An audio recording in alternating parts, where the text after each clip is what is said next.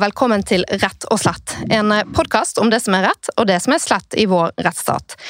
Mitt navn er Katrine Holta, og jeg er strafferettsforsker på Politihøgskolen. Og denne podkasten er sponset av Karnav juridisk forlag. I den norske rettshistorien så har engasjement fra frivillige ildsjeler og enkeltstående forfattere med en kritisk holdning til makten flere ganger fungert som siste skanse. Slik var det annet da justismordet mot Per Liland ble oppklart, og slik var det også i Baneheia-saken. I studio i dag har jeg fått med meg årets tre vinnere av Rettssikkerhetsprisen. Frilansjournalist og forfatter Bjørn Olav Jahr, og fra Viggo Kristiansens støttegruppe Halvard Sivertsen og Mikkel Tronsrud. Bjørn Olav Jahr fikk Rettssikkerhetsprisen for sin utrettelige journalistiske innsats i Baneheia-saken og Birgitte Tengs-saken, som særlig har kommet til uttrykk i to bøker om Baneheia-saken og én bok om Tengs-saken. Halvard Sivertsen og Mikkel Tronsrud har fått Rettssikkerhetsprisen for sine svært aktive roller i arbeidet for gjenopptakelse av Kristiansens sak. De har som frivillige ofret flere tusentalls timer av egen fritid for å rydde opp i feil som rettssystemet skulle tatt ansvaret for. I dag så lurer jeg på hvordan det var å jobbe med Baneheia-saken. For hvordan ser egentlig gjenopptakelsessaken ut sett fra kulissene? Og I neste episode så skal vi få høre hva de tre vinnerne av Rettssikkerhetsprisen tenker om hvordan vi kan unngå nye justismord i fremtiden. Velkommen alle tre til Rett og slett. Tusen takk. takk. Tusen takk. Jeg tror egentlig jeg bare begynner med deg. Jeg, Bjørn Olav. Ja. Hvordan fikk du interesse for Baneheia-saken? Hvordan kom du inn i denne saken? Uh, ja, altså det, er litt sånn todelt, for jeg, jeg får faktisk ganske tidlig liksom, signaler om at det skal være noe galt der. For advokat Sigurd Klomsæt, som jo er uh, førstemann til å jobbe med gjenopptakelse for Viggo Kristiansen, han tar kontakt med meg allerede høsten 2008, uh, men, men da kom jeg aldri til det. og så i 2014 så kommer Fett datteren til Viggo på besøk hos meg i forlaget jeg jobber. Opptatt av at det skal bør skrives en bok om Baneheia-saken. Da har jeg heller ikke tid, for da jobber jeg med Birgitte Tengs-saken. Og så, i 2016, etter at jeg har gitt ut boken om Birgitte Tengs-saken, så er det en forlegger som kommer fra Kristiansand, som, som, sier at det er en sak som han er spesielt opptatt av, og det er da Baneheia-saken. Og da sier jeg til han at det, den saken er jeg også opptatt av. Så da var det på en måte endelig tid for mitt vedkommende, da. For det hadde jeg ikke hatt tidligere. Og da var det sånn Og interessen for meg var egentlig sånn ganske sånn enkelt, for det handlet bare om Viggo Kristiansen har alltid hevdet at han er uskyldig, og så var det bare det enkle spørsmålet sånn Ok, men hva om han har rett, da? Det må jeg i hvert fall undersøke, tenker jeg. Mm. Og når du kom inn i denne saken her, da, hadde du noen sånn bestemt oppfatning av at han kunne være uskyldig eller ikke? Eller, altså, noe må det jo være for at man går i gang med et så stort prosjekt? Ja, det, det, det, det, kan du si. Jeg ville ikke vært overrasket om han var uskyldig. For det, for altså En ting er at han sier at han er uskyldig, det er det jo mange, mange skyldige mennesker som sier at de er uskyldige, så, så, det holder jo på en måte ikke.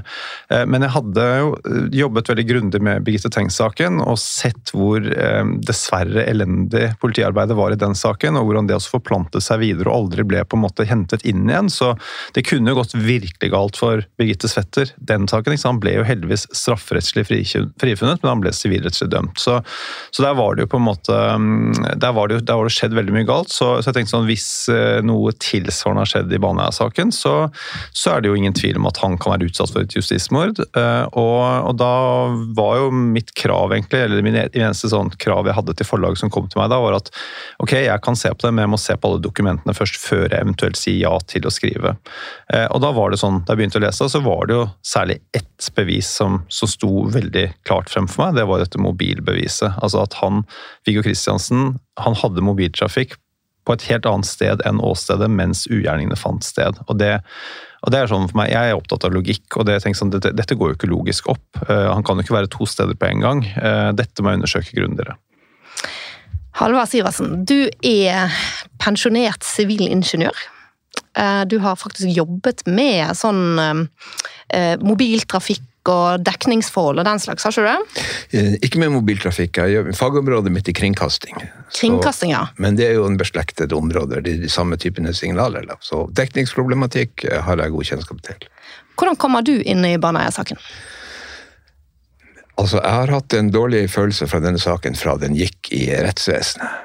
Fra pågripelsene, faktisk. Fordi at um, jeg syns det var så rart at det, da det var to stykker, to unge gutter som var pågrepet, at den ene tilsto det ene drapet, men nektet for å ha hatt noe med de seksuelle overgrepene å gjøre. For jeg har jo alltid tenkt, og det har vel sikkert alle tenkt, at dette primært var en forbrytelse som gjaldt uh, seksuelle overgrep, og at drapene var en følgehandling, altså for å skjule, for å prøve å unndra seg straff.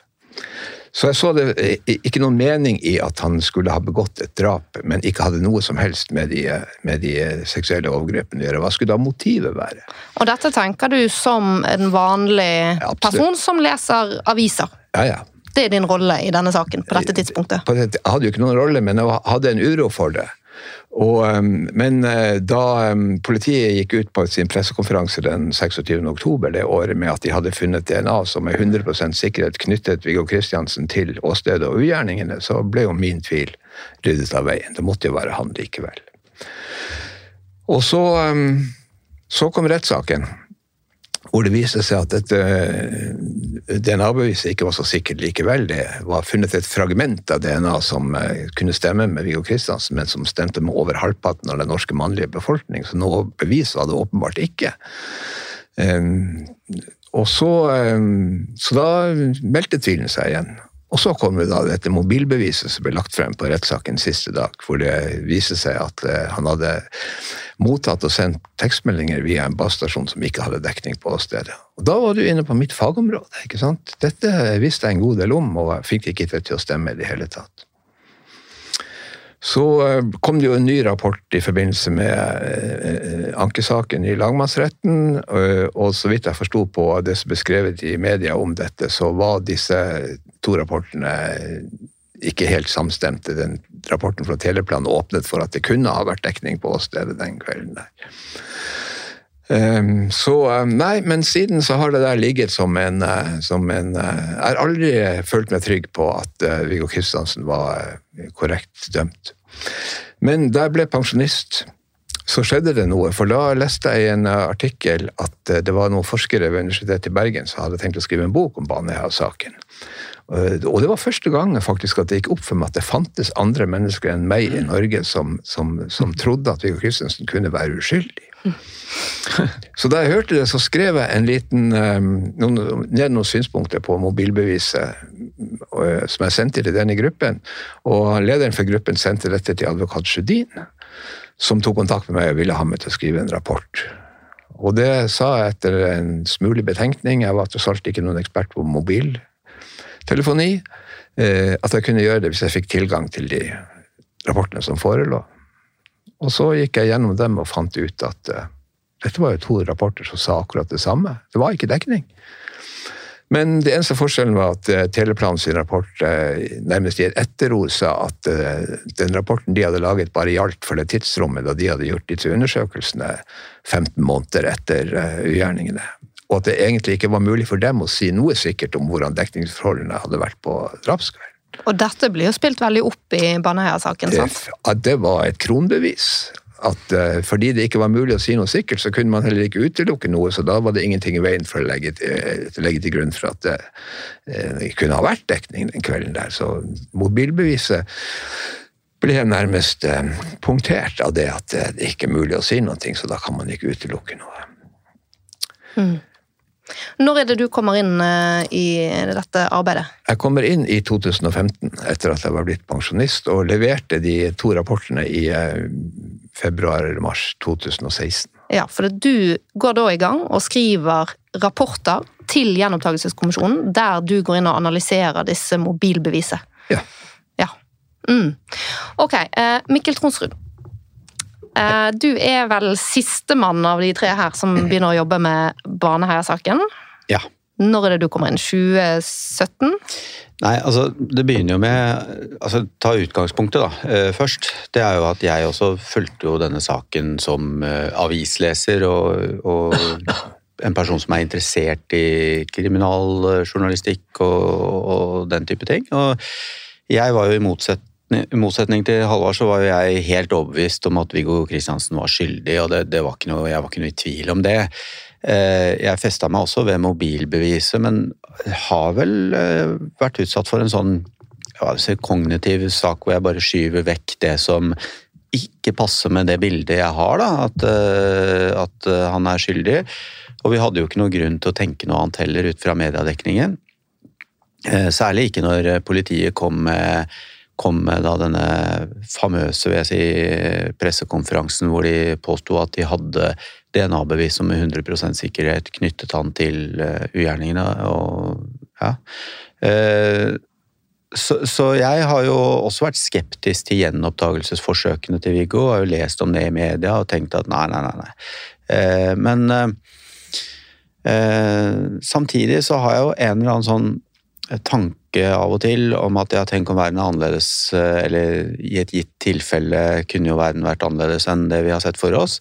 Eh, og det har jeg faktisk tenkt da, om Viggo Kristiansen. Tenk om, eh, ikke nødvendigvis akkurat han, men tenk om en som han sitter i fengsel med DNA-bevis mot seg, en kompis som angir deg, og så er det ikke sant, og du er den eneste i verden som, som vet det. Så den tanken har vært der, men det er klart at jeg har ikke tenkt det i fullt alvor når det gjelder han. Eh, og så sier samboeren min en gang i, på høsten 2017 at nå er det en forfatter som, eh, som har eh, skrevet en bok eh, hvor han konkluderer med at Viggo Kristiansen er uskyldig.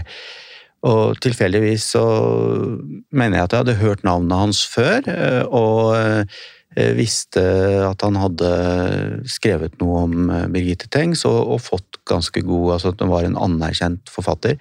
Så jeg tenkte litt sånn Ok, eh, den boka må jeg, må jeg lese for å Jeg syns det var interessant å vite hva er det han mener, da. Eh, hva i all verden er det han tror han har funnet, eller hva har han eventuelt funnet? Eh, så det, det måtte jeg finne ut av. Så jeg ba samboeren min om å sette den boka på julegavelista. Og så fikk jeg den til jul, og så leste jeg den, og da endra Altså, det var veldig mye som endra seg for meg. Ikke fordi at jeg da skjønte at Viggo var, var uskyldig dømt, eh, jeg tenkte ikke det. Eh, men jeg tenkte at eh, her var det så mye rart at selv om man setter skyldspørsmålet helt til side, så kan vi ikke ha det sånn. Altså Politiet kan ikke oppføre seg sånn, rettsstaten kan ikke oppføre seg sånn, og journalister kan ikke oppføre seg sånn, som Bjørn Olav da beskrev. Og jeg tenkte jo ikke nødvendigvis at han hadde rett i absolutt alt han skrev heller. Jeg tok ikke altfor god fisk, men, men, det er litt samme som Tore Sandberg forteller om da ekteparet Ekeroth kontaktet han, hvor han sa noe sånt som at hvis halvparten av det som står i den boka her stemmer, så kommer vi til å ha mye med hverandre å gjøre. Eh, og jeg tenkte at hvis halvparten av det Bjørn Olav skrev stemmer, så er det et eller annet som er spinnvilt, både ja. med saken og med med hvordan politiet opptrer. Og det var en referanse til Liland-saken? Ja, det var en ja, ja, ekteparet Ekeroth og Tore Sandberg da, som jobbet for å få gjenåpnet Liland-saken i sin tid. Eh, og nei, så, men så er det sånn jeg, en, jeg, er interessert i litteratur, jeg har en liten bokblogg hvor jeg har skrevet eh, omtale av noen bøker. Ikke veldig mange, men noen. Eh, og så tenkte jeg at ja, ja, jeg kan skrive en omtale av den boka. Jeg syntes den var såpass interessant at jeg tenkte å skrive en omtale av den. Og så gikk jeg i gang med det.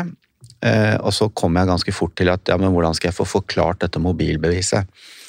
Eh, og da ble det en sånn omvendt Prøysen-historie, hvor, hvor ja, gutten med julegaven som da starter med eh, noe stort og fint, og så ender det opp med en spekefjøl. Eh, for meg så var det litt omvendt. Jeg tenkte at jeg skulle bare skrive en kort omtale, og så bare vokste det på seg og vokste det på seg. Vokste det på seg. Og jeg begynte å tenkte at jeg må ha noen kartbilder og sånn. Og så, og så holdt ikke det, og så begynte jeg med noen videoer. og tenkte at ja, det må jo være, lage en liten videosnutt her, det må jo være en vei for å forklare litt hva Bjørn Olav Jahr skriver i boka. da.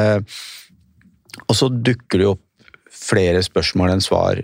Og da til slutt så tenker jeg at jeg har ikke så mange kilder her. Jeg prøver å kontakte forfatteren. Eh, jeg kjente et par forfattere fra før og visste at de, ja, de er jo eh, ofte glad i å snakke om egne bøker.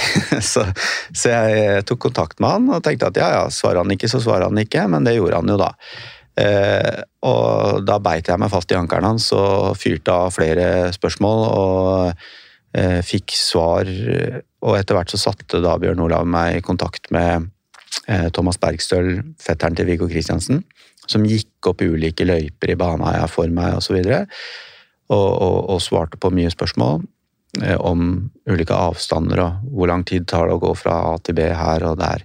Som er da relevant fordi at mobilbevis Ja, fordi en del av bevisbildet mot Altså en del av forklaringen på hvordan Viggo Kristiansen kunne ha vært på åstedet og begått drapene, da, som, som, retten støtter seg på, er jo forklaringer om at han skal ha løpt i skytteltrafikk da, mellom drapshandlingene og en sykkel for å sende tekstmelding. Da.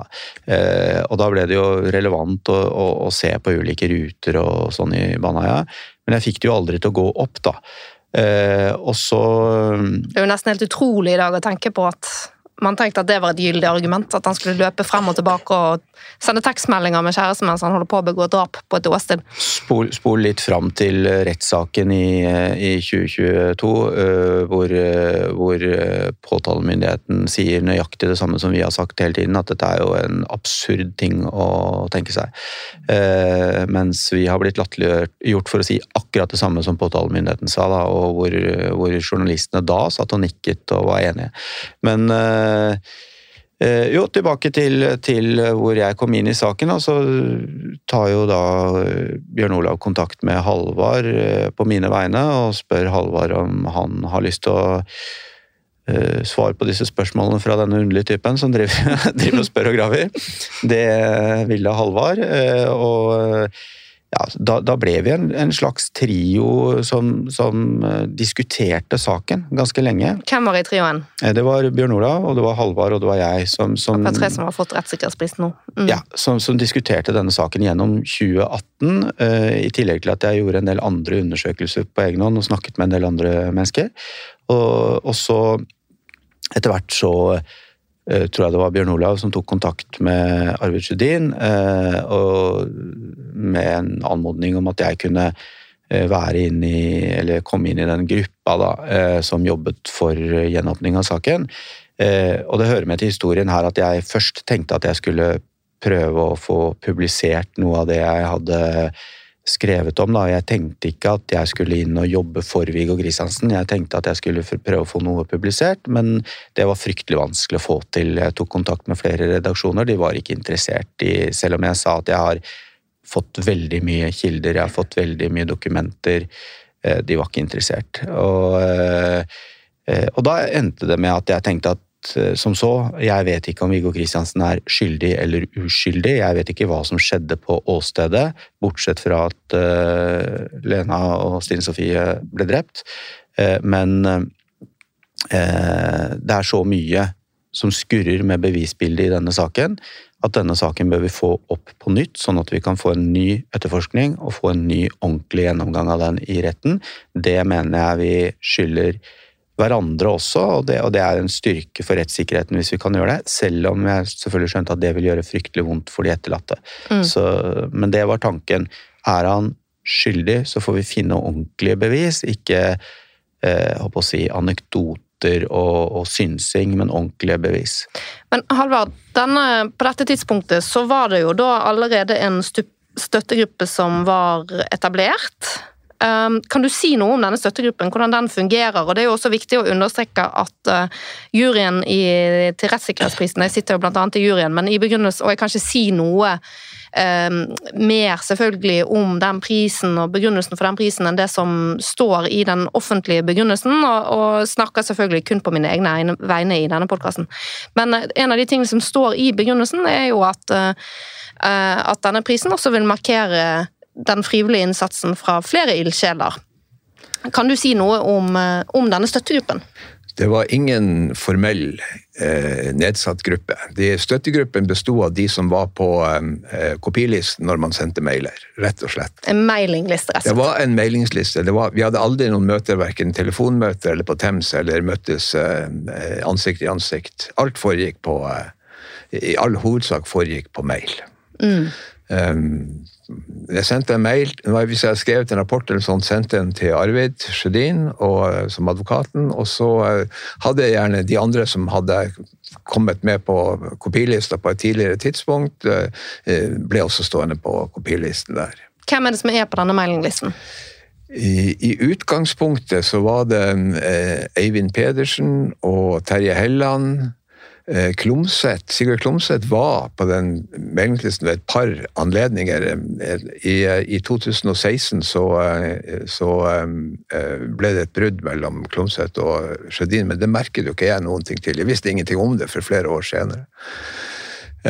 Så var det Så var det Faren til Viggo var på listen.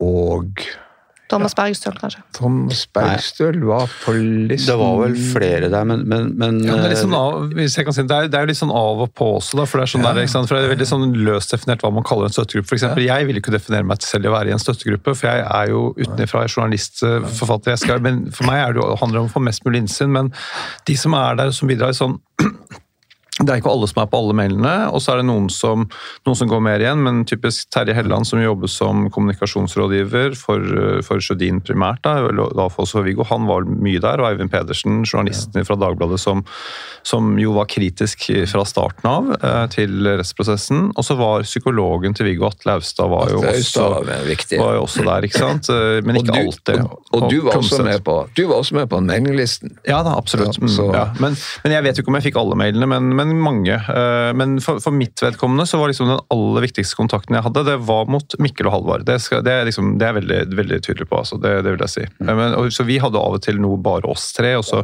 så, det, så det, er jo ikke noe sånn, det er jo helt riktig som, som Halvard sier, det var jo ikke noe sånn, def, sånn klart, tydelig definert liksom, dette er gruppa. liksom. Den kunne være litt sånn alt fra tre til ti personer, kunne man få inntrykk av. Mm. Og, så, og, så, var det et par andre som ikke egentlig gjorde altså, Det var jo ikke nødvendigvis sånn at alle som var på den lista, jobbet med denne saken, men, men som kanskje kom med noen kommentarer innimellom og sånn. og eh, det var jo et par til også som, som, ofte var på den lista, som var sånn typisk i, i kretsen til Arvid Sjødin. da. Eh, mm. ja, og som, som av og til hadde kommentarer til det vi holdt på med.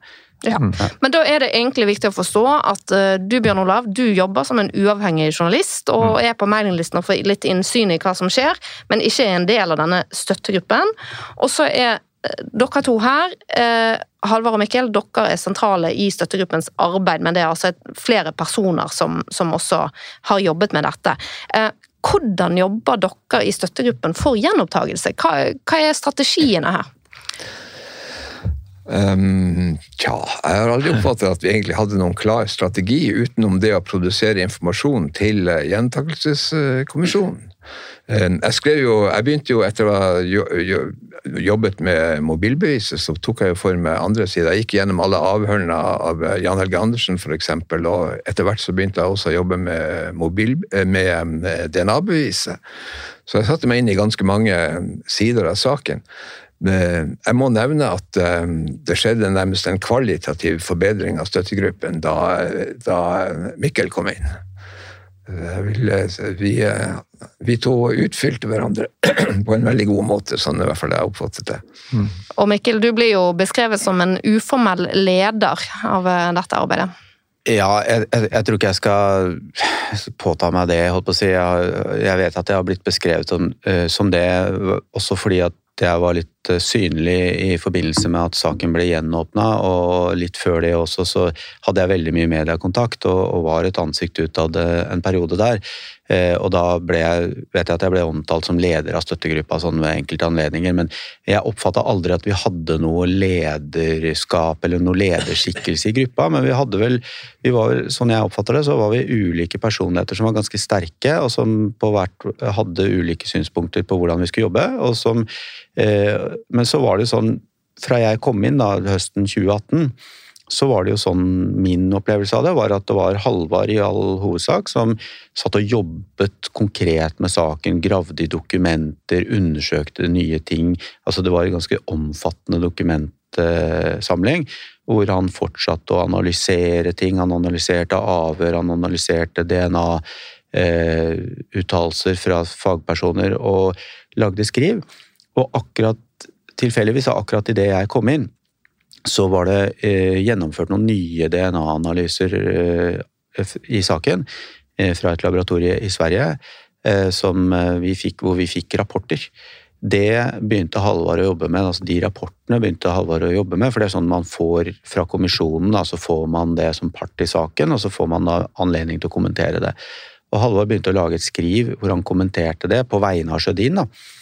Eh, og så sendte Halvard det ut da, til denne mailinggruppa, og når jeg leste det, så kastet jeg meg på og spurte om jeg kunne få lov å være med og skrive på det, Eh, og det sa Halvard ja til. Og, så, ja, og, det var kanskje det, det, var det første hvor, hvor, hvor vi samarbeida, da. Og så ble det litt styrt av hva vi fikk fra kommisjonen. Fordi altså litt av hva Halvard gravde i, og etter hvert litt hva jeg gravde i. Eh, vi satt og gravde litt på hver vår kant, kommenterte hver våre ting. Eller kommenterte hvert vårt arbeid. Eh, og så, og så Eh, kom det jo da innspill fra eh, bl.a. en av de etterlatte, som eh, kom med ganske mange ting, som hun sendte via en tidligere etterforskningsleder i Kripos, som sendte da, som sendte da inn til, til Gjenopptakelseskommisjonen, og som vi fikk svare på. og Det var et ganske omfattende skriv, så da jobbet vi med det tilsvaret ganske lang tid. Og så kom statsadvokaten etter hvert med, med, sitt tilsvar, som var, eh, krevde også omfattende svar. Og da var vi i gang med en veldig sånn eh, Kall det en pingpong-situasjon i kommisjonen, hvor det stadig kommer eh, skriv til oss som vi svarer på, så får vi nye tilsvar osv. Da holdt vi på ganske intensivt over en lang periode. Bjørn Olav? Ja, nei, så det jeg bare tenker på, det, det kan hende du ville komme inn på det senere, men, eh, men dette, med, uh, dette med strategi i den støttegruppa vi ser som litt, sånn, litt utenfra, men, men ganske, ganske, ganske inni det også, uh, skal si liksom, så vil jeg jo si at det ble jobbet veldig godt med mobilbeviset. ikke sant? Og Det var jo stor fordel for meg da jeg skulle skrive min første bok, uh, 'Drapene i Baneheia to historier i en sannhet'. Så hadde jeg jo Halvards arbeid Jeg hvilte jo ganske mye på hans analyser, ikke sant? for han hadde gjort en enormt gode analyser på mobilbeviset, men han hadde også gjort analyser på både avhør og DNA. Eh, og, og, men så men så var det også veldig fokus på å få gjenopptatt saken på bakgrunn av mobilbeviset. At, dette, at, disse to rapportene fra Telenor opprinnelig i, i, ting, i, i byretten og Teleplan i lagmannsretten, at de to rapportene var jo egentlig De sa jo akkurat det samme, som Halvard jo beskriver i sine analyser. Eh, og, og, så var det ikke sånn at det var to rapporter som slo hverandre i hjel, det var to rapporter som støttet opp om det samme, nemlig at Viggo ikke kunne ha vært på åstedet, i hvert fall ikke telefonen hans mens drapene, mens drapene ble begått. Eh, så, men så er utfordringen med det, selv om Halvard Sivertsen lager veldig gode, tydelige rapporter på det, så vil jo kommisjonen bare og Det sa de også hele veien. Altså det, det, var jo veldig sånn Holdningen var at dette er ikke noe nytt. Mobilbevis har vært behandlet tidligere.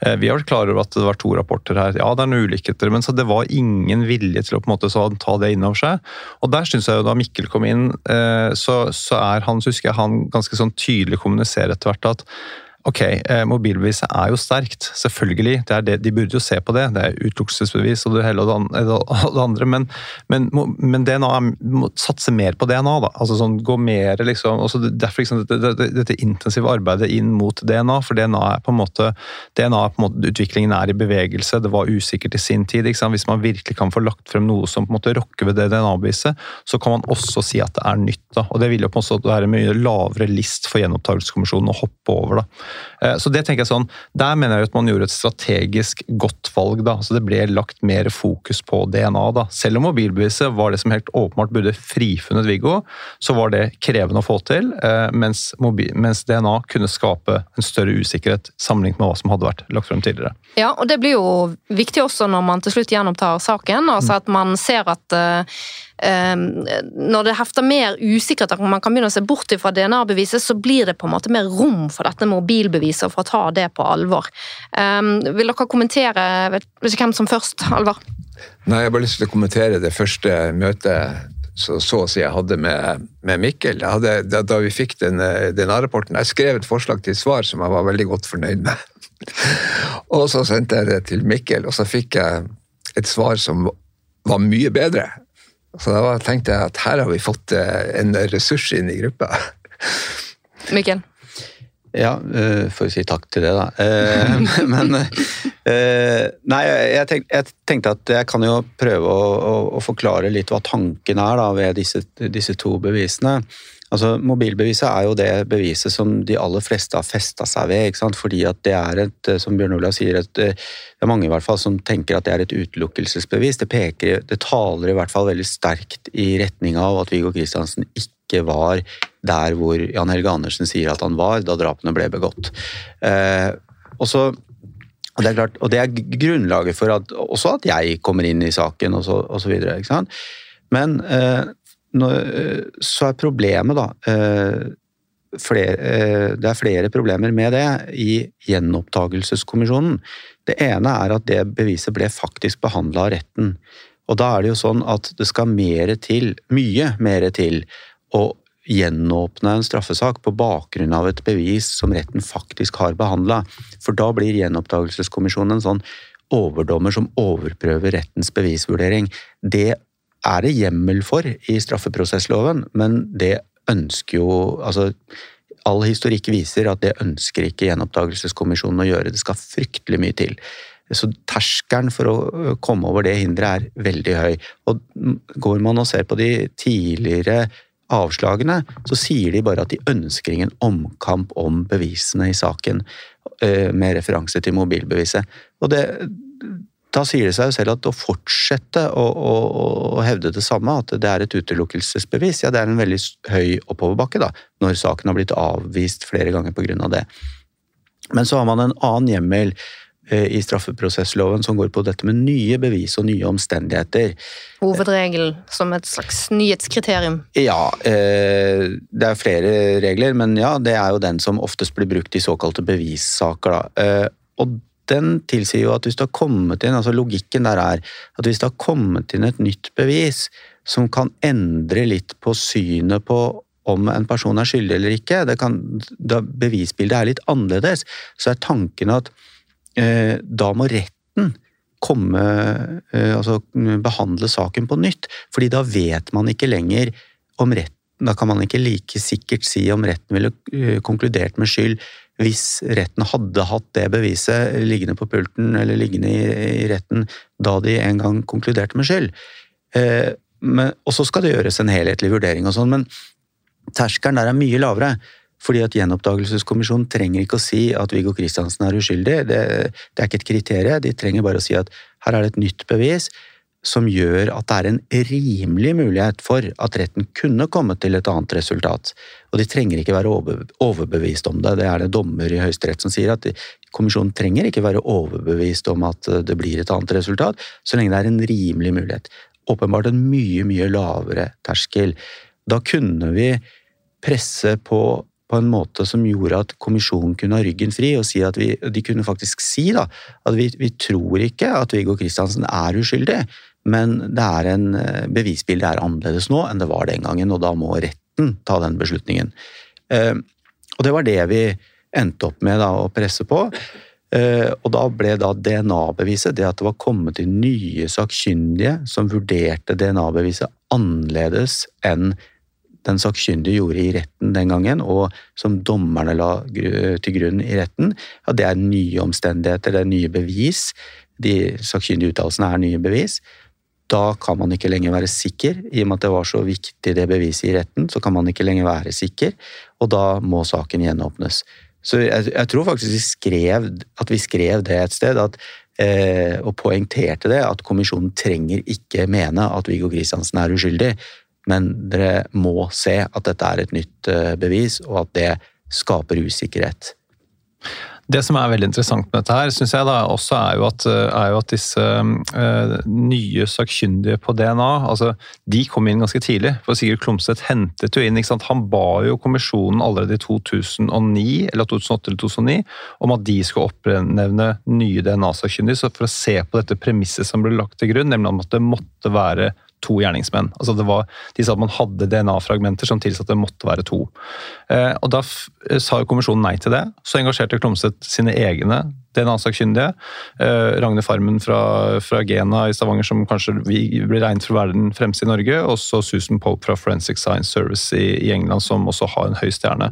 Og Begge de var veldig tydelige på at eh, det finnes ikke noe Man kan ikke på noe som helst, med noe som helst sikkerhet si at her har det vært to gjerningsmenn. Altså, så De avfeide den, det premisset.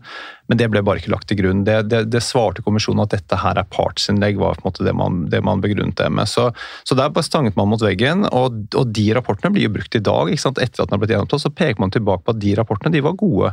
Men det som skjer, som, som, som er så bra, tenker jeg, etter hvert som dette presset øker mot kommisjonen, og sånn, så er at kommisjonen selv omsider oppnevner en DNA-sakkyndig, eh, nemlig en fra Danmark. Eh, og, og han kom jo til nøyaktig den samme konklusjonen som det Pope og Farmen gjorde ti år tidligere. Eh, så, så jeg tenker sånn, Viljen til å se på det er jo er det som endrer seg etter hvert da, på, hos kommisjonen eh, når det, gjelder, når det, gjelder, DNA, og det er jo helt avgjørende. Ja, Det er interessant at um, altså disse nye undersøkelsene ble jo gjort allerede i 2009-2010. Og Siden da har det kommet tre avslag fra kommisjonen. Og Kommisjonen begrunner dette avslagene med at um, det, er, det, er altså det er flere syn som står mot hverandre når det gjelder vurderingen av det. er usikkerhet omkring det, for noen mener det, og noen mener det når det gjelder DNA-bevisene. Og denne usikkerheten var kjent for retten, så det at det er en usikkerhet, bringer ikke noe nytt. Slik argumenterte kommisjonen helt eksplisitt i, i avslaget i 2013. Og det er interessant at mindretallet i kommisjonen i, i, ved det siste argumenterer på akkurat samme måten. Det er altså de mindretall som da vil, ikke, ikke vil, vil ja, At dette med at det var, at det var usikkerhet knyttet til den knyttet til DNA-beviset var kjent for retten, og at det derfor ikke er en ny omstendighet.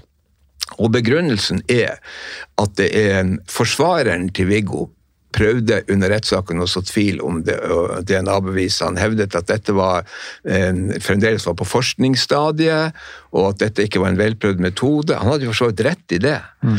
Men altså, man kan jo ikke sammenligne det som en rettsmedisinsk sakkyndig sier, og det som forsvareren sier. Og liksom, ja, Her er det to syn, så derfor er saken opplyst, fordi begge syn har kommet i uttrykk. Det nye var jo at det var kommet nye DNA-sakkyndige inn som, kunne, som sa at det DNA-beviset retten hadde lagt vekt på, ikke var et reelt bevis. Men helt frem til, eh, til, til siste avgjørelsen altså, så, så, ble det brukt som et argument at eh, det var kjent for retten at det var strid om DNA-beviset, så derfor det ikke var noe nytt. Ja, og Bjørn Olav var jo inne på det i stad her også. Eh, og her, tenker jeg Det er jo egentlig ganske forferdelig å, å lese historikken her.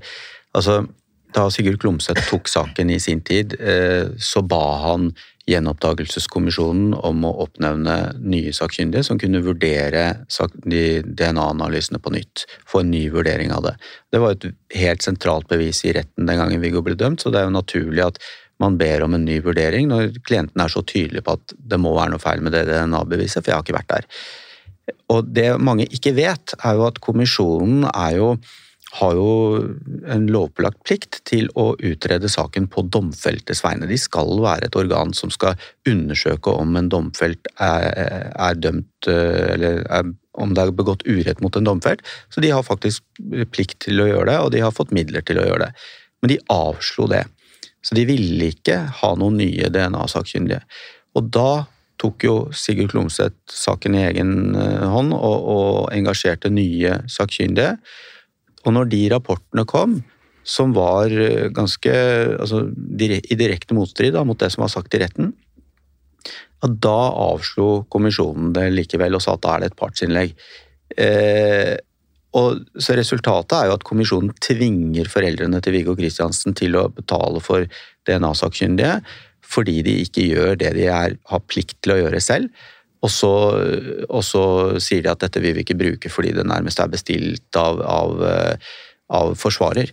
Og, og, jeg vet jo at Ragne Farmen, som, eller Farmen, som, hun, som det uttales, eh, som da sto for den ene av de nye DNA-rapportene, hun eh, har jo sagt det at hun var jo sakkyndig vitne i retten i andre sammenhenger, men her ble hun altså ikke, ikke hørt. Her kunne hun ikke brukes.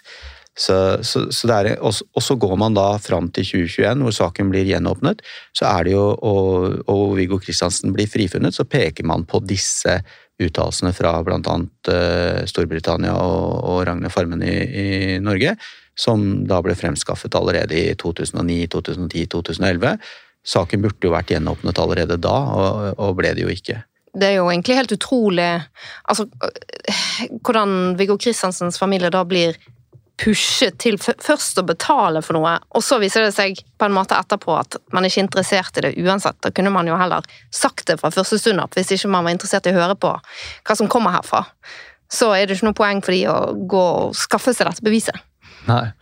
Bare en ting som for Mikkel var inne på dette med, med sakkyndig. At, at Ragne Farmen Jeg klarer ikke å si Farmen. Farmen Ragne Farmen, at, hun, at hun, hun, er anerkjent og hun blir brukt i andre saker. ikke sant? Men det er tilsvarende med Bjørn Amundsen, dekningsdirektøren fra Telenor Mobil, som gjør undersøkelsene i, i 2000, og som legger frem for retten at Viggo Kristiansens mobil ikke kan ha vært på åstedet.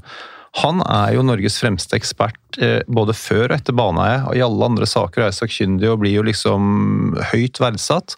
Men akkurat i Baneheia så er politiet veldig tydelig på at der er de ikke fornøyd med han. Så Akkurat i Baneheia så har han åpenbart en sånn glipp da, i deres øyne. Og At ikke det er fanget opp av flere, at ikke det er sitt spørsmål i det, liksom, at, ikke, at ikke domstolene liksom er mer kritiske til liksom, at hvorfor, hvorfor er ikke denne sakkyndig god nok her, da? Eh, og at ikke mediene var mer opptatt av det. sånne ting, altså, Det er helt utrolig. Så jeg tenker at Det er ganske tøft å være sakkyndige, altså være dyktige fagpersoner som blir så til de grader undergravd. Og det handler jo ikke om hva de har levert. Eller det handler jo faktisk om hva de har levert. De har levert det som er på en måte, de har levert et godt faglig arbeid, og så blir de diskreditert pga. det. Eh, og det er, det, er, det er, ganske fælt å se på, altså.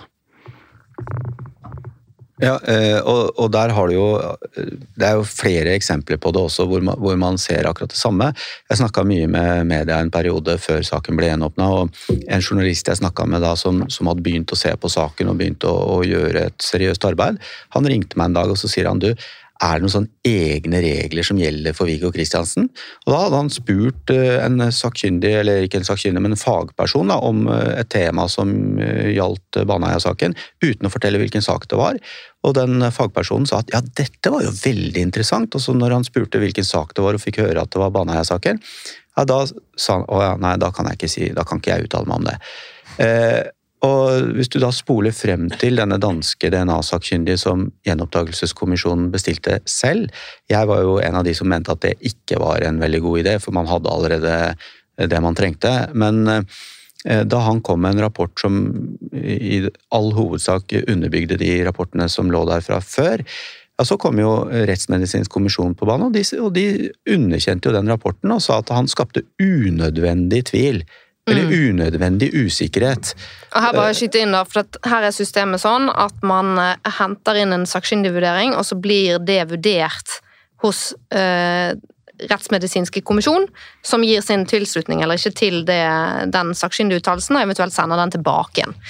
De skal ja. vurdere om den er, holder mål faglig sett. Det er det den rettsmedisinske mm. kommisjonen skal gjøre.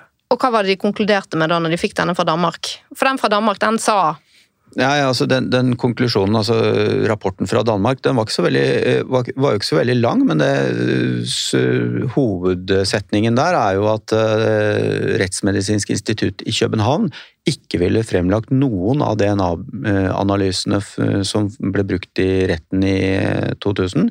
De ville ikke lagt frem det for retten selv, fordi det var så stor usikkerhet knytta til disse, disse DNA-analysene at det kunne ikke brukes som bevis. Det var konklusjonen til denne sakkyndige. Og da kom Rettsmedisinsk kommisjon eh, i Norge på banen og sa at ja, dette skaper unødvendig usikkerhet i saken, så denne underkjenner vi. I tillegg til at de sa at han altså hadde gått utover sitt mandat. for Han hadde ikke blitt spurt om akkurat dette her. Det at han, det at han sier det, så er helt åpenbart for meg så, som leser dette som sånn menigmann, så, så, så oppleves det som at han tråkker noen veldig noen veldig ømme tær. Han tråkker på noen veldig ømme tær, og de sier at det liker vi ikke. Og Normalt sett så ville man jo sendt den tilbake til han og spurt om han kunne revidere den, for han kunne jo bare tatt det bort. altså Konklusjonen hans var jo like tydelig uansett. Han sier at det er ikke noe, ikke noe holdepunkter her for å si at det er bevis for to gjerningsmenn. Eh, men det ville de ikke, så de bare underkjente den, og så ville de ikke sende den tilbake igjen heller. Så, så til han så det var veldig, At ikke det har blitt tatt mer tak i, at ikke det har blitt problematisert mer, er jo helt vanvittig. For det er, det er, en, det er en det er en ganske mørk flekk. De, til og med i denne historien så er dette her mørkt, altså. Mm. Men, ja. Jeg har lyst til å følge opp det som eh, Bjørn sa om behandlingen av eh, Bjørn Amundsen. Bjørn Amundsen var da Dekningsdirektør i Telenor. Mm. Um, da Klumset leverte inn sin gjenopptakelsesbegjæring i 2009, i 2008, så um, kom det etter hvert et svar fra statsadvokaten i Agder. Um, han skal jo kommentere den. Og han kommenterte flere punkter, og han kommenterte bl.a. Uh, eh, mobilbeviset, som han hevdet var behandlet grundig i to rettsinstanser. Eh, og så står det i denne skriftlige begrunnelsen fra, statsadvokaten at det, det er riktig at eh, Bjørn Amundsen i retten forklarte at det sannsynligvis ikke kunne være dekning fra, fra eh, EGA på åstedet. Eh, Påtalemyndigheten var og er meget skeptisk til Bjørn Amundsens vitnemål. Det står der altså at de er skeptiske til vitne. Han var under forsikring da han vitnet. men Det de var han som da forteller om at ikke det var dekning på åstedet første gang. Nettopp. Vi har sendt utallige eh, brev til påtalemyndigheten for å få dem til å begrunne den, men jeg har aldri fått noe svar på det. Dere var i et møte med statsadvokaten våren 2019, altså før saken ble gjenopptatt. Hva var formålet med det møtet? Um, da um, jeg hadde skrevet de to rapportene om mobilbeviset, så um, var det fremdeles ikke eh, sendt noen uh, gjentakelsesbegjæring. Det var enighet i støttegruppa om at det var, hadde ingen hensikt å sende en eh, ny begjæring før det var kommet nye folk i kommisjonen. Men da sendte um, For da, på dette tidspunktet så var det avslått uh, Ja, det Fire var ganger. Fire Ja. ganger, ja. Men eh, Arvid Sjødin var så fornøyd med rapporten min at han sendte dem til statsadvokaten med det håpet om at statsadvokaten ville gå inn for å gjenoppta saken når han leste disse rapportene. Det skjedde naturligvis ikke. Ja, fordi sånn er det jo da, at hvis man kan få med seg påtalemyndigheten på noe, så blir alltid veien mye enklere. Ja, da vil jo saken bli gjenopptatt. Det er jo helt åpenbart. Nei, i 2019 så Jeg tror det var, det var vel kommet en ny statsadvokat i Agder da, som eh, Sølin kjente litt grann fra før og hadde en viss tiltro til. Så han foreslo da at vi Eller han ville ha et, ba om å få et møte med statsadvokaten, og det fikk han. Og da ville han ha med meg, da. Så eh, det var jo før Mikkel var kommet inn, ellers ville han vært et naturlig valg. Nei, eh, Det, det var etter at jeg kom inn, Nei, okay, det det møtet, men jeg, jeg var ikke med på det. Okay, Nei, det var ikke. Anyway. Nei, det var kanskje, kanskje nok. Nei, da hadde vi et møte, og eh, jeg oppfattet det som et positivt møte. De virket positivt interessert i det vi hadde å legge, å legge frem. Vi la frem det som jeg vurderte som de viktigste momentene. som de Og det var? vurdere. Det var jo eh, mobilbeviset og DNA-beviset, og jeg gikk jo også gjennom noe av det som, eh, det som avhørene av Jan Helge Andersen for å påvise at eh, eh, avhør, han som ledet disse avhørene, måtte nødvendigvis forstå at det som Andersen fortalte, ikke kunne være sant. Jeg syns han argumenterte godt for meg, og da vi forlot møtet, så hadde jeg også et positivt inntrykk av her kan det skje noe positivt fra statsadvokatens side. Og så gikk det en måned eller to. Men du ga også da, unnskyld at jeg avbryter, men du ga jo også da til statsadvokaten en gjennomgang av mobilbeviset og disse tidligere rapportene som var gitt, og der du egentlig underbygget kvaliteten på de rapportene som gjaldt dekningsforhold.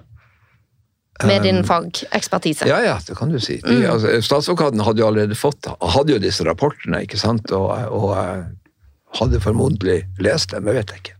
Mitt inntrykk var at de, eh, de var positivt og lyttende og innstilt på å eh, se på saken med nye øyne.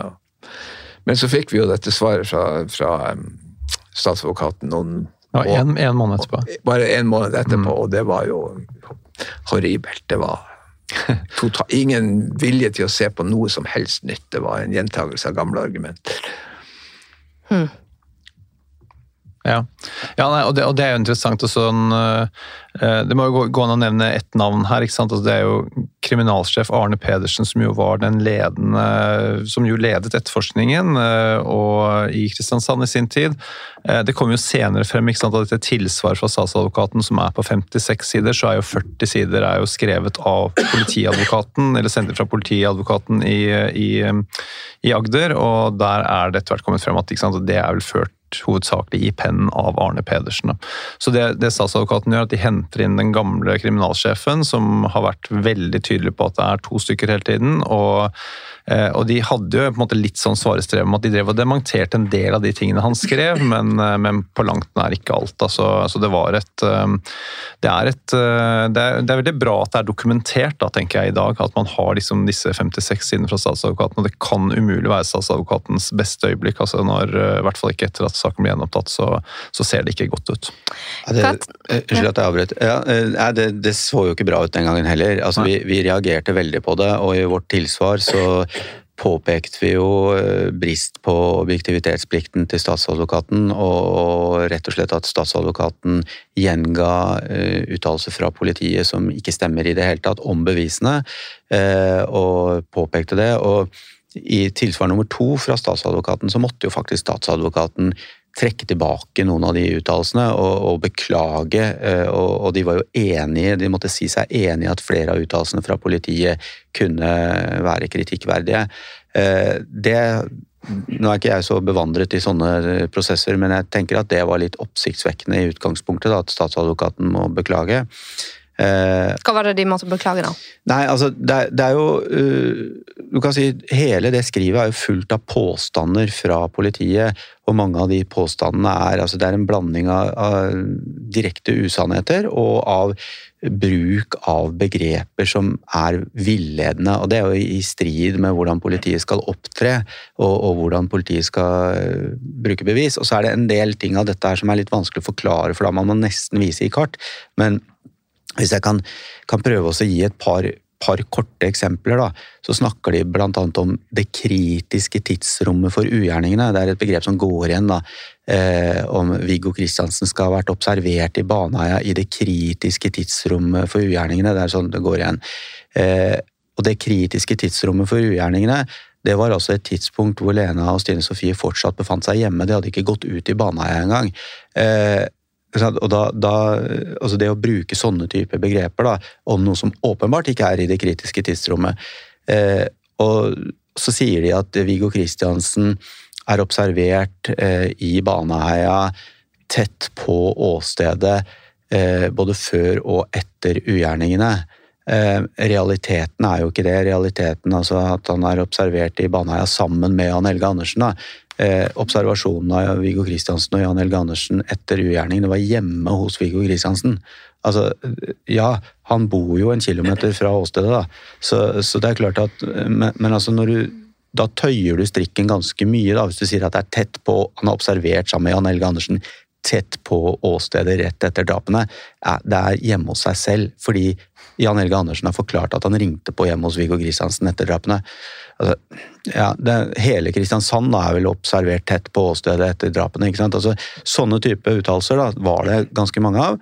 Og, og det... Men han ble observert der med bommen før, da. Men etterpå, så Ja, ble, ja ikke sant? Og nå, og, nå, er vi inne i detaljer i bevisbildet som kanskje kan være liksom vanskelig å se for seg for lytterne, særlig hvis de ikke har veldig sånn detaljkunnskap om det. Men ja, han er observert eh, like utenfor Baneheia. Eh, rett innenfor en bom, da, som er sånn grensen til Baneheia, som mange bruker. Eh, sammen med Jan Helge Andersen. Eh, før drapene. Det er eh, ca. en time før barna forsvinner fra åstedet, og på et tidsrom hvor barna da Nei, unnskyld, forsvinner fra en badebrygge i Baneheia, og på, et tidsrom hvor disse barna fortsatt ikke har gått ut i Baneheia ennå. Eh, og det er jo et sånt veiskille i saken, for da kan man si at ja, hvis Viggo Kristiansen og Jan Helge Andersen skilte lag der, som begge forklarte før de ble arrestert at de gjorde, eh, at Viggo Kristiansen sykla hjem, har begge forklart, eh, ja, da er jo Jan Helge Andersen alene i Baneheia. Hvis eh, de ikke skilte lag der, men tvert imot gikk inn sammen, så vet man jo Da er de to om det. Så det er et viktig poeng. Og når politiet da sier at dette er i det kritiske tidsrommet for ugjerningene, ja, så er det jo viktig om var det det, eller var det ikke det. Og det var det jo helt åpenbart ikke. Og det måtte jo da mm, statsadvokaten gå tilbake på og, og, si at dette er både før og etter og tett på åstedet og sånn. Det er jo ikke, det er jo ikke noe hold i det. Og så, så, så, det er jo det, det, Ja, øh, men det, sier jo noe, da, at man, at man kanskje, Det sier noe først og fremst om mangel på bevis. At man er nødt til å nærmest skape sånne anekdoter da, som ikke egentlig holder mål. Jeg var jo på mange måter fornøyd med det svaret vi fikk fra statsadvokaten, fordi det var veldig lett å imøtegå det. Uh, og vi, vi, jeg synes vi gjorde en vel, vi leverte jo et hundresiders svar, og vi fikk imøtegått uh, veldig mye. Men i tillegg så det er første gangen siden jeg kom med i Baneheia-saken at det um, har eksistert en samlet fremstilling fra politiet og påtalemyndighet sin side om bevismiddelet, bevisbildet. Da jeg kom inn i Baneheia-saken, så etterlyste jeg Det må da finnes en, en, en, uh, rapport fra politiet som sammenfatter bevisene i saken, en tidslinje osv. Blant annet så må jo politiet ha levert en, uh, en innstilling til statsadvokaten hvor de går igjennom alle bevisene. Det dokumentet finnes ikke. I hvert fall aldri sett det dokumentet. Så da vi fikk denne, denne Vi fikk både den eh, uttalelsen fra Agder politidistrikt og fra statsadvokaten Første gangen i saken at det finnes en samlet fremstilling fra, fra påtalemyndigheten sin side. Og da kunne vi gå i gang med å plukke den fra hverandre, og det gjorde vi, vil jeg si.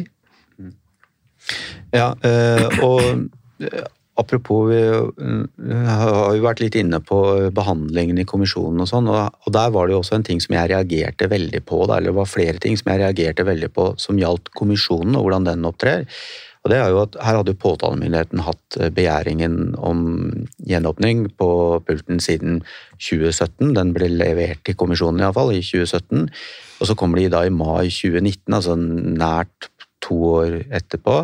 Eh, med, med tilsvar. Altså de har brukt eh, ja, halvannen til to år, da, altså si de har jobbet med den et år eller noe sånt, det var vel det de sa selv, eh, og leverer et ganske omfattende angrep på Viggo Kristiansens gjenåpningsbegjæring. Og så får Arvid Sjødin, som er Kristiansens forsvarer, han får tre uker på seg til å svare på dette her.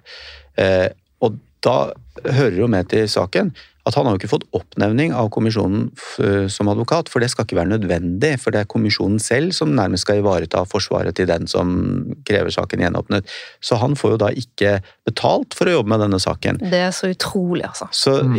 realiteten var jo da at i hovedsak da, så var det Halvard og jeg, eh, pluss uh, Sjødin da, med, med, noen innspill, eh, som jobbet med denne saken i, i tre uker for å, for å svare på det.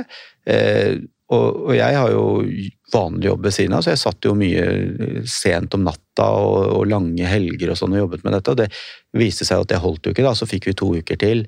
Eh, så totalt fem uker da brukte vi på å svare på dette. Og så gikk det fire måneder, og så kom statsadvokaten med sitt tilsvar nummer to. Da fikk vi tror jeg én uke på å svare. eller noe sånt. Så, så det, det, er en forskjellsbehandling her også underveis som er helt utrolig. Og jeg, jeg har jo sagt at og da skrev jeg et brev til kommisjonen samtidig, og, og da sa jeg jo det at her har du altså en eh, betalt jurist i politiet som eh, sitter og lager et skriv. Du har to betalte jurister i påtalemyndigheten som, som, lager påtalemyndighetens innstilling. Og så har du to betalte bistandsadvokater som også motarbeider Viggo Kristiansens eh, gjenåpningsbegjæring. Det er altså totalt fem betalte jurister som er betalt av det offentlige for å jobbe mot Viggo Kristiansens gjenåpningsbegjæring. På motsatt side så sitter Viggo Kristiansen på de strengeste soningsvilkårene på, på Ila. Han har 20 minutters telefontid i uka. Ikke tilgang til internett, ikke tilgang til saksdokumenter. Ingenting. Han har ingen mulighet til å følge opp sin egen, svar, sin egen sak og, og, i det hele tatt kunne imøtegå det alle disse juristene eh, skriver. Og, og får ikke oppnevnt forsvarer. Og så får han ikke oppnevnt forsvarer. Mm. Helt utrolig. Og, og det mener jeg, det, det, skrev jeg til kommisjonen, det er en rettsstat uverdig, og det mener jeg fortsatt det er. Ja, det er ganske fælt. Og, og, i tillegg så er det jo faktisk sånn, alle, utenom alle disse juristene som jo helt åpenbart uh, blir betalt for å jobbe mot begjæringen til Viggo Kristiansen, så, så fortsetter jo Gjenopptakelseskommisjonen med den samme utrederen som har jobbet med saken hele tiden, og som har vært veldig, som har vært, kan du si, lagt inn en negativ innstilling hver gang, og som ikke ser ut til å rokke på den, uh, fortsetter å jobbe med saken. Uh, og, og, det viser seg jo etter hvert også at kommisjonens leder er imot saken, ikke sant? Som, som jo er sjefen for alle utrederne. Og, så, så, er, så, lagene er ganske feige, da. Eh, det kan man trygt si. Mm. Nå har vi jo snakket en god del om prosess før saken ble gjenopptatt, men jeg vet at du Mikkel, du er også ganske opptatt av hva som skjer etter at Viggo Kristiansens sak blir gjenopptatt, og da er vi altså i februar i 2021. Um, fordi at uh, på dette tidspunktet så går jo da påtalemyndigheten inn for å forlenge forvaringsdommen.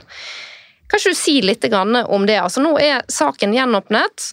Men påtalemyndigheten mener fortsatt at Viggo Kristiansen er så farlig at man må forlenge forvaringsstraffen. Det er sånn at man kan forlenge forvaringsstraff um, med fem år om gangen, om jeg ikke husker feil.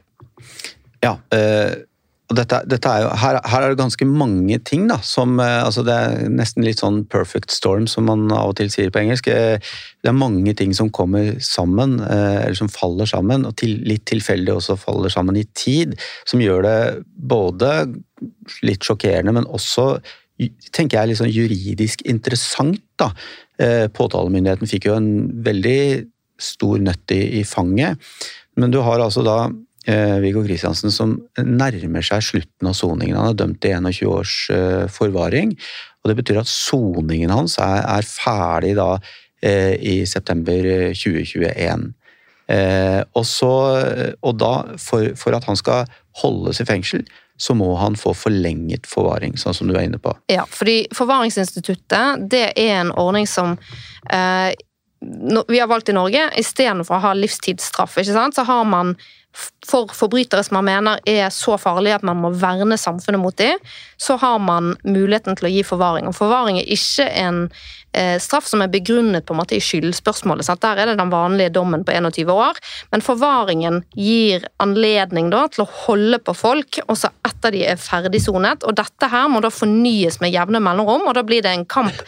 Også etter at den opprinnelige straffen da er ferdigsonet, så blir det da en, en typisk en kamp da om man eh, fortsatt er farlig, eller om man kan få slippe ut. Og Det, det er i dette bildet vi befinner oss i juridisk sett nå. Ja, ikke sant? Og så er det helt riktig som du sier, at det, forvaring er ikke en straff som i utgangspunktet det handler om skyldspørsmålet, for det er jo selve straffen, den tidsbestemte delen av straffen, altså 21 år. Eh, men, men som du sier, det er samfunnsvernet da, som gjør at man skal kunne holde på folk. Men samtidig så må jeg korrigere deg litt, for det er jo helt avhengig av skyldspørsmålet. Eh, Og, og, og, det skyldspørsmålet det blir jo også avgjørende for synet på Viggo Kristiansen. og det, det, skal jeg prøve å forklare. Men iallfall altså, har man den situasjonen at eh, september 2021 så er Viggo Kristiansen en fri mann hvis man ikke forlenger forvaringen. Eh, og i februar 2021, altså noen måneder i forveien, så får han saken sin gjenåpnet. Eh, og da har man jo den situasjonen at det er alvorlig tvil om eh, Om skyldspørsmålet. Ja, og det påvirker jo da forvaringsspørsmålet òg, ikke sant? For da, han ja. vil jo ikke være farlig hvis ikke han har begått disse drapene Nei, i utgangspunktet? Det, det er jo utgangspunktet her er jo at du, altså, det er jo ikke noe grunnlag for å holde folk i forvaring hvis du ikke er skyldig. Eh, og, så det er, jo, det er, jo, et tema. ikke sant? Og, og plutselig så er jo skyldspørsmålet da eh, satt på spissen, fordi det må jo behandles. Eh, og det er ikke sånn at Eh, påtalemyndigheten kan avgjøre det skyldspørsmålet alene. De må enten ta ut tiltale, eh, eller så må de eh, innstille på en frifinnelse. Det vet de jo allerede da i februar 2021, at de må velge en av de to veiene. Og så er det jo selvfølgelig vanskelig for dem å si Altså å hevde da at Viggo Kristiansen er skyldig uten å senere ta ut tiltale på det. Men det må de hevde hvis de tar saken, forvaringsspørsmålet, til retten i 2021. Og de hadde jo på det tidspunktet ikke påbegynt ny etterforskning engang. ikke sant? Så, øh, og da fikk man jo den underlige situasjonen at påtalemyndigheten i Agder, da, som hadde saken opprinnelig, de innstilte på ny forvaring. De var jo overbevist om at Viggo Kristiansen var skyldig. Og så skulle det spørsmålet behandles behandles da av Asker og Bærum tingrett, som er da den lokale tingretten ved Ila fengsel, hvor Viggo Kristiansen satt. Eh, og så eh, Samtidig så overføres da saken til Oslo statsadvokatembeter. Eh, mens det vi da mente, det var jo at ja, er, hvis den saken kommer opp nå med forvaring, ja, da er det legitimt å reise spørsmål om skyld. Så da må vi få, få, lov til å føre bevis for at han er uskyldig. Han har fått saken sin gjenåpnet.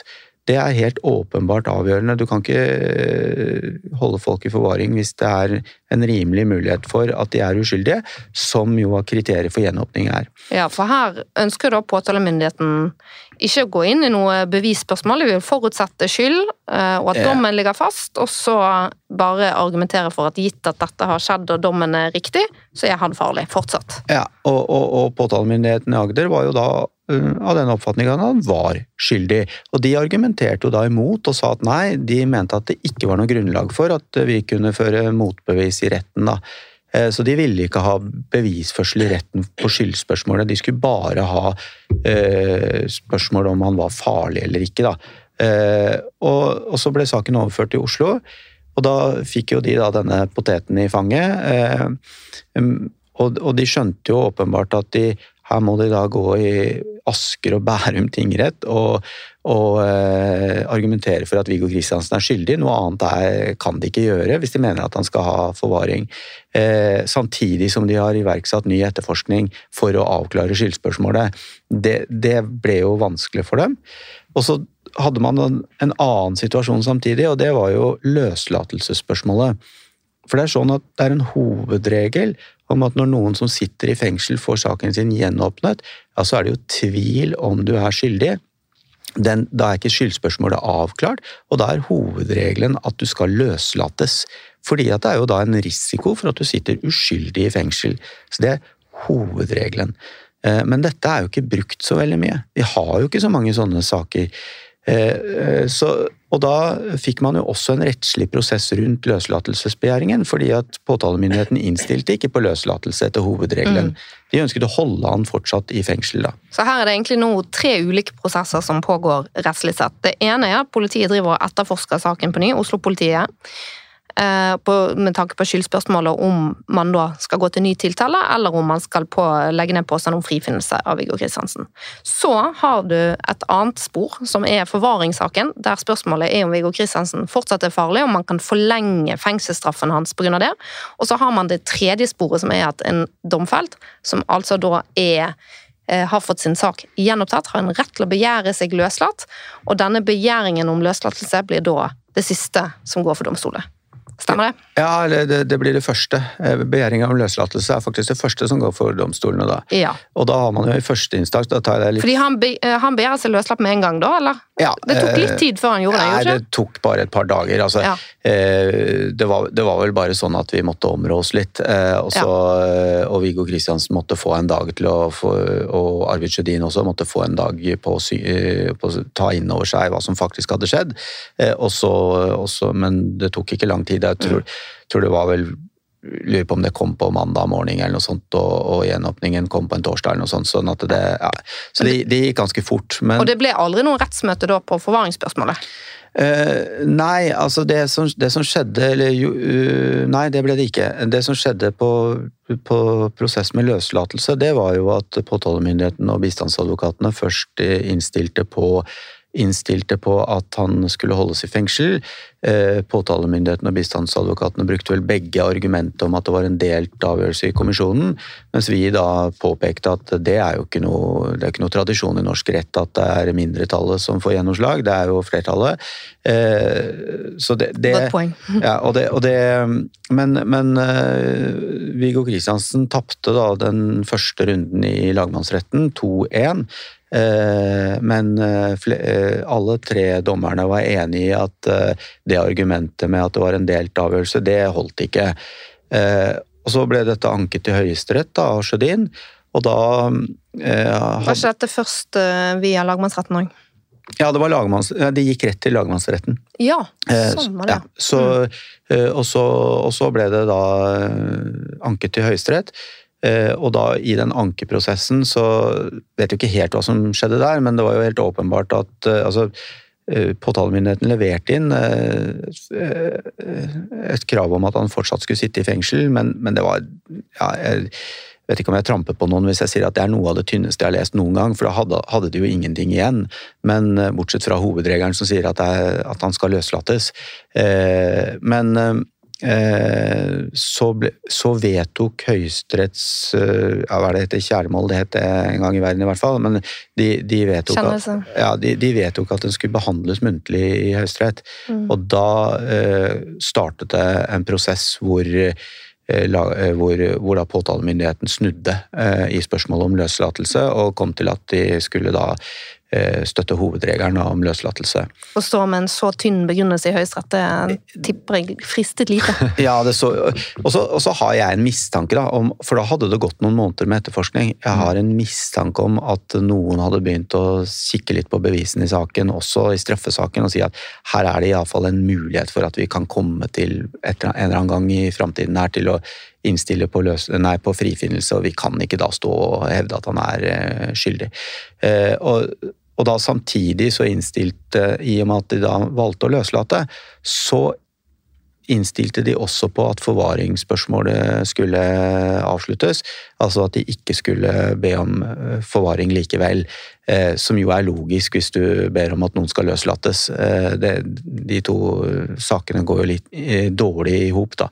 Så eh, men- til hjelp da for påtalemyndigheten eh, for det også var jo et sånt tema her, det er jo de psykiatriske vurderingene av Viggo Kristiansen. For han, i og med at forvaringssaken gikk, så ba jo da eh, kriminalomsorgen, altså eh, kort fortalt Ila fengsel, om at det skulle komme nye sakkyndige som skulle vurdere hvor farlig Viggo Kristiansen var. Og de begynte jo på dette arbeidet rett før han ble, fikk saken sin gjenåpnet.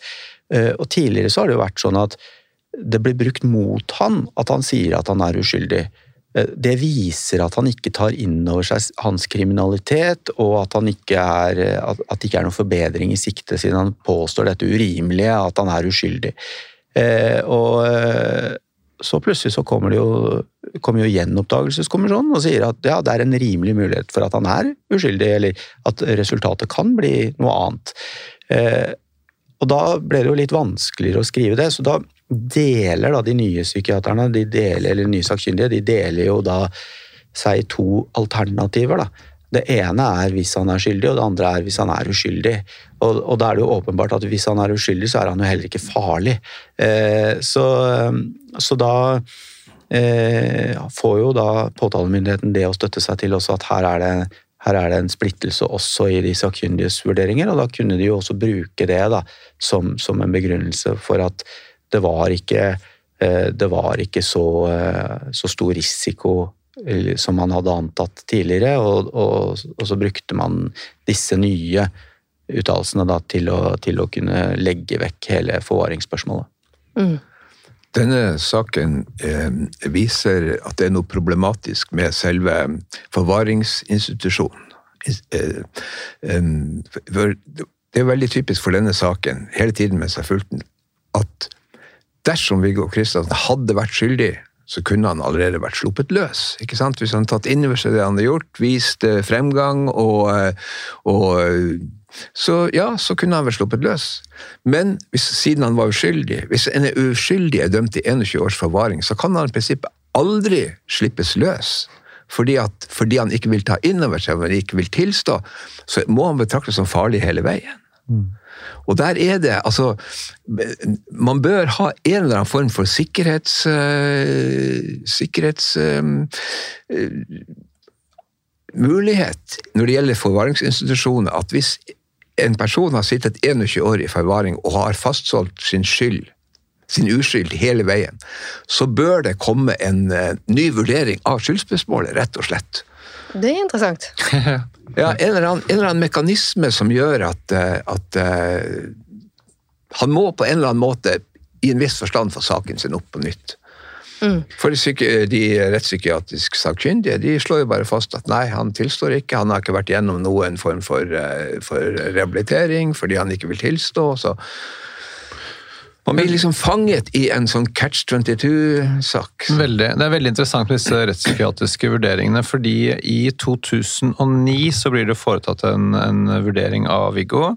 Eh, av, og den vurderingen er veldig interessant, for den, eh, for den eh, Der fremkommer det de intervjuer og både eh, han som har hovedansvar for Viggo Kristiansen, og som er avdelingsleder av disse fengselsbetjentene, og begge sier at vi tar aldri Viggo Kristiansen i å lyve, han snakker sant. Altså de, de, liksom, de, viser ganske stor tillit til ham. Da. Og den Rettspsykiateren er også veldig positiv til ham. Altså det er en veldig positiv rapport. Eh, den beskriver Viggo som et ganske bra menneske, egentlig. Eh, og hun ser ham på veldig mange måter, og, og liksom lar på en måte liksom tvilen komme ham til gode Det er, det kanskje er rimelig å gjøre. Eh, og Da bestemmer Ila seg for at den rapporten her, den vil ikke, den vil ikke ha noe med å gjøre. Den, den, legger de bort. Så da får de en annen psykiater til å fjerndiagnostisere Viggo Kristiansen. Da får han plutselig mange flere diagnoser enn han har hatt tidligere. Eh, så måten det der har fungert på, som igjen førte og Dette her førte igjen til at Viggo Kristiansen fikk en mistillit til psykiaterne som skulle vurdere ham, fordi han hadde blitt behandlet på denne måten her. Eh, så blir han jo på en måte i enda større grad også beskrevet som vanskelig.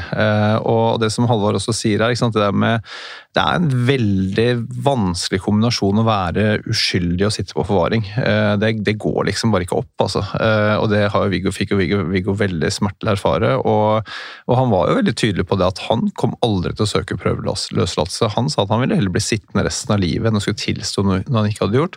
Og implisitt i det så ligger det jo at han skjønte jo da at han kanskje aldri kom til å komme ut, han, hvis ikke han tilsto noe han ikke hadde gjort. Eh, så, så han satset jo egentlig alt da på å få saken sin gjennomtatt og heldigvis fikk han det. Men man kan jo bare, kan jo bare grøsse med tanken med å tenke seg liksom, hva ville skjedd dersom det ble 2-3 i kommisjonen istedenfor 3-2, som det faktisk ble. Det er jo bare det er stang inn istedenfor stang ut. da. Ja, og, og, det er jo rene tilfeldigheter som gjør at det blir som det blir i kommisjonen også. Eh, det var jo i sin tid Sigurd Klomsæt som saksøkte kommisjonen.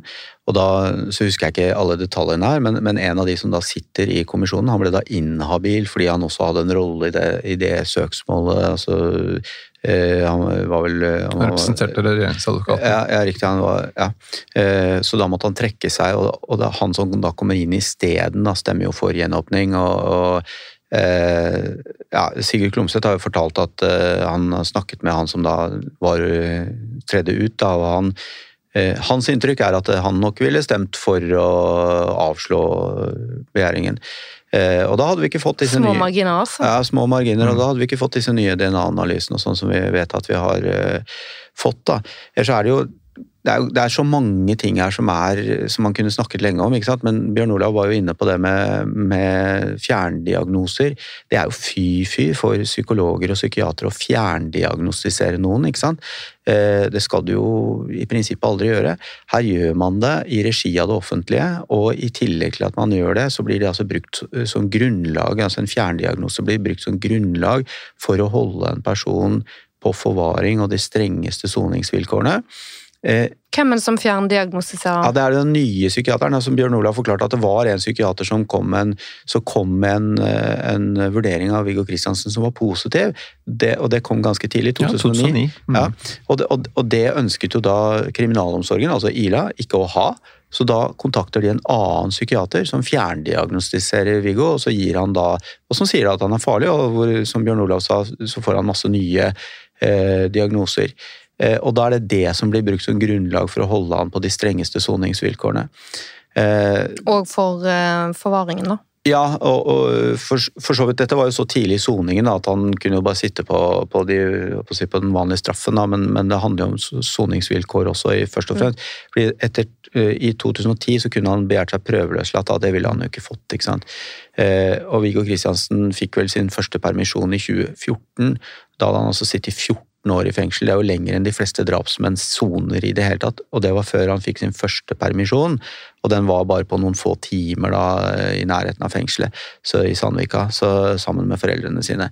Så det, det, sier noe om hvor strenge vilkår han sona. Ja, Han var buret inne, altså. Ja, virkelig. Eh, også bort, rent bortsett fra da, at han fikk jo veldig store friheter rundt Ila fengsel, så det, det var jo veldig stor mismatch mellom hva eh, altså Det var et misforhold da, mellom hva Ila skrev i rapportene og hvordan de faktisk behandla han. For han fikk jo han jobba jo på verksted aleine med masse verktøy og farlige redskaper, og kjørte og kjørte eh, brøytetraktorer og alt mulig rart og brøyta snø i nabolaget og holdt på. ikke sant? Men, men, men når eh, de skulle vurdere ulike spørsmål som permisjoner og, og sånne ting, nei, da var han livsfarlig.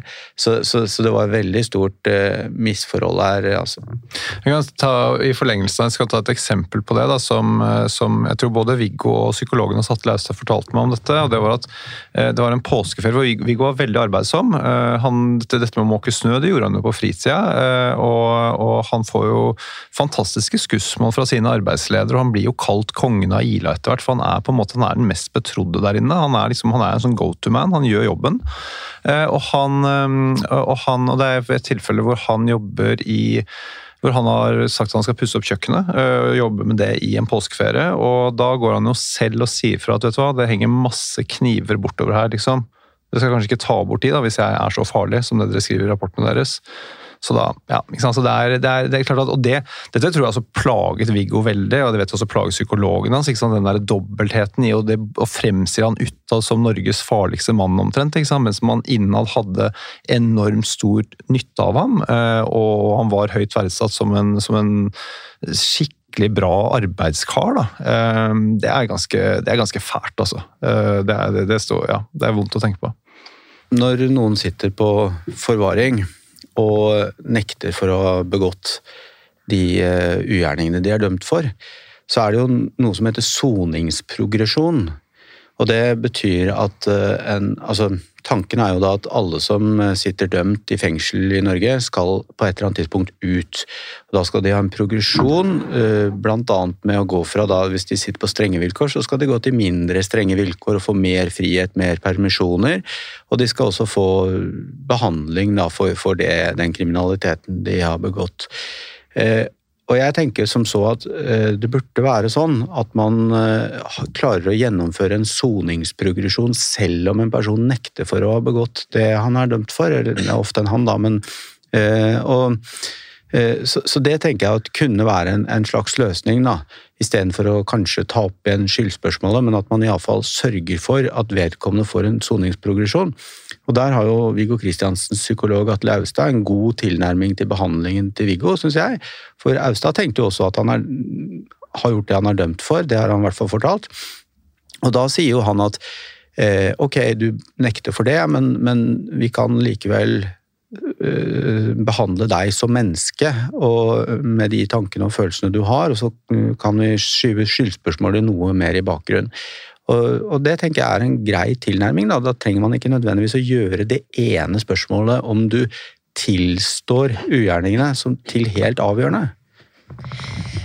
Det er også et veldig interessant poeng, um, og noe å ta med seg videre. Vi nærmer oss avslutningen på denne episoden. Det er den første av to episoder som jeg skal lage sammen med dere om denne saken. Um, og før vi setter strek for denne første episoden, så bare lurer jeg på sånn Kan dere si noe om hvordan det har vært å jobbe i motbakke med Baneheia-saken? Altså, Bjørn Ola, du kan jo begynne litt. Altså, hvordan har du opplevd at eh, det var når du kom ut med disse bøkene dine? Hvordan ble det mottatt? Nei, eh, Da jeg kom ut med 'Drapene i Baneheia', to historier, en sannhet, i 2017, så ble den møtt eh, ja, Det var litt sånn variabel mottakelse, da, men, men, ganske mye skepsis og en del, en del, negativ omtale. Og, og det som, som er liksom betegnende, syns jeg, det er at sånn, da jeg vinner sånn, den store journalistprisen blant annet, og sånne ting, så blir jeg jo hyllet for akkurat det samme som jeg mente i 2017. Men i 2017 så var jeg liksom landsbyidioten, og så er jeg plutselig den beste journalisten. Eh, så det er store kontraster for å mene og argumentere helt likt. Eh, så, jeg tenker at det sier jo mer om de som har vurdert meg, enn det sier om meg, syns jeg, da. Ja, for du har jo ikke bare vunnet Rettssikkerhetsprisen, og nå, nå nevnte du Den store journalistprisen. Du har også vunnet Åpenhetsprisen, Fritt Ords honnør, hederspris eller en ærespris fra Haugesund Journalistlag. Mm. Eh, så det er jo interessant da, å gå fra å få så mye motstand til så mye anerkjennelse. Ja, ja det er absolutt. Men samtidig så er det sånn, det var jo ikke, det var ikke sånn Det blir jo ofte gjerne sånn Når man skal skrive historien, så er, elsker man jo kontraster, ikke sant. Så på en sånn der, sånn eh, Det var jo også en del positiv mottakelse. Det var jo ikke sant, Frode Helmik Pedersen, professor fra Universitetet i Bergen, som jo skriver en veldig fin anmeldelse i Morgenbladet, som jo har veldig stor innsikt i saken. ikke sant, Og Hege Ulstein, som skriver en veldig flott kommentar i, dag, i Dagsavisen. veldig tidlig, og sånne ting, så det er jo, det er jo noen som er på her. eh, Men, eh, og det er veldig viktig, men eh, det viktigste for meg er jo at, er at jeg er trygg i min analyse, og så tenker jeg at, eh, at det møter av motargumenter er dårlige argumenter, og, og da, da, får jeg bare håpe og tro at det skal gå bra. Men det er klart sånn, hadde ikke Viggo Kristiansen fått tatt opp sin sak, så hadde jo mitt arbeid vært like bra i mine øyne som det det er blitt seende ut nå, men det hadde ikke sett sånn ut for alle andre. Halvard, du har blitt eh, omtalt som Telenor-pensjonisten. Hva syns du om det? Det um, har jeg absolutt ingenting imot. Jeg er jo en Telenor-pensjonist, og jeg ser ikke noe nedverdigende i det å bli kalt for Telenor-pensjonist. Så det, um, det um, Det må de gjerne kalle meg. Det er dekkende. Men etter mitt syn så Når man skriver sånne rapporter som jeg har skrevet, så bør disse vurderes ut fra innholdet i dem, og ikke ut fra hvem det er som faktisk har skrevet dem. Men jeg oppdaget jo i denne saken her at for første gang i mitt liv så hadde jeg nytte av å kunne bruke tittelen sivilingeniør. Fordi at eh, det åpnet jo en del altså det, det, ga plutselig mine rapporter en egen tyngde, bare fordi jeg kunne bruke den tittelen. Helt uavhengig av hvordan innholdet faktisk var. Så det hadde, det hadde nytta. Det er første gangen at jeg har brukt den tittelen i noen som helst sammenheng. Min i Telenor-systemet hadde en stilling som overingeniør. Men eh, om noe Nei, de må gjerne kalle meg Telenor-ingeniør. Altså det. Jeg ble ikke lei meg, for å si det sånn. Herlig. Men det var ikke nødvendigvis ment så positivt da når eh, påtalemyndigheten omtalte deg som Telenor-pensjonisten? Nei, men det sier jo mer om påtalemyndigheten enn det sier om meg. At de prøver å, å, å degradere meg, degradere det jeg har skrevet ved å omtale meg som Telenor-pensjonist. Vel, vel. Mm. Du og Mikkel, har du fått noe motstand for det her? Noe motstand, ja. Ja, det har jeg fått. Men eh, altså, det, dette har jo vært litt sånn en liksom blanda sak for min del. Eh, jeg har hele tiden vært opptatt av å ikke snakke eller skrive så mye om hva jeg føler underveis, fordi at eh, det sitter foreldre som har mista sine kjære, og det er det alvoret har ligget der for min del hele tiden. Og uansett hva vi måtte bli utsatt for av eh, motstand og hvilke opplevelser vi har, så vil jeg aldri være i nærheten av det de har opplevd. Eh, og derfor så syns jeg ikke det har vært riktig heller å snakke så mye, verken om hva vi opplevde av negative ting, eller hva vi følte var negativt, og, heller ikke liksom jeg husker jeg kontaktet NRK og sa dere må gjøre om på en tittel hvor det sto sånn der eh, 'Støttegruppa jubler etter at Viggo Kristiansen fikk omgjort saken' og sånn, og de gjorde faktisk det, da. Så, men fordi at det, det, var jo viktig å fremstå som edruelig og, ikke, og nettopp ikke drive og juble eh, på en dag som var veldig vanskelig for de etterlatte. Men når det er sagt, da, så har det ja det har vært noen ubehagelige opplevelser, eller vonde opplevelser, da, for å si det sånn. Eh, ting som er kjedelige å oppleve.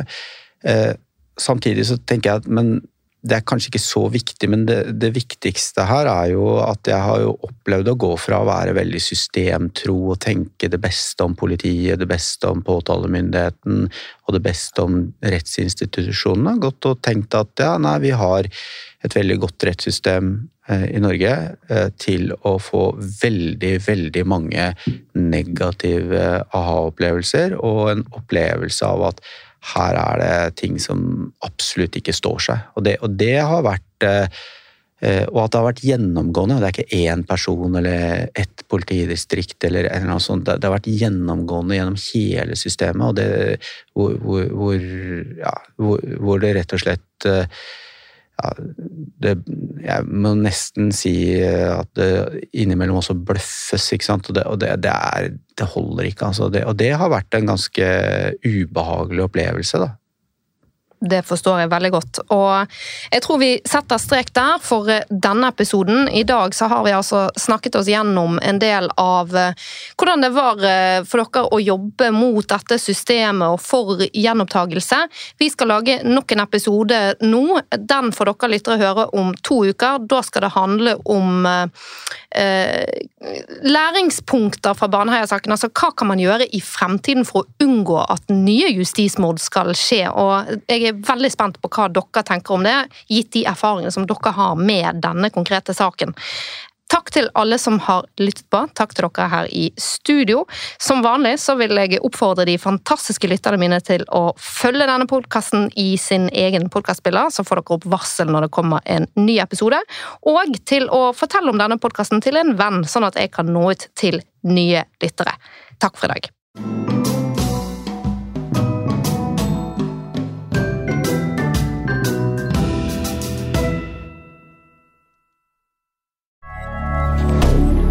Moderne media.